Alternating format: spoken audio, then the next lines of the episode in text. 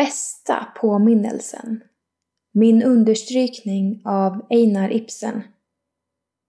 Herren går framför dig och han skall vara med dig. Han skall inte lämna dig eller överge dig. Var inte rädd eller förfärad. Femte Mosebok kapitel 31, vers 8. Som tonåring är det lätt hänt att man i vardagen glömmer Gud och att han älskar en oavsett prestation.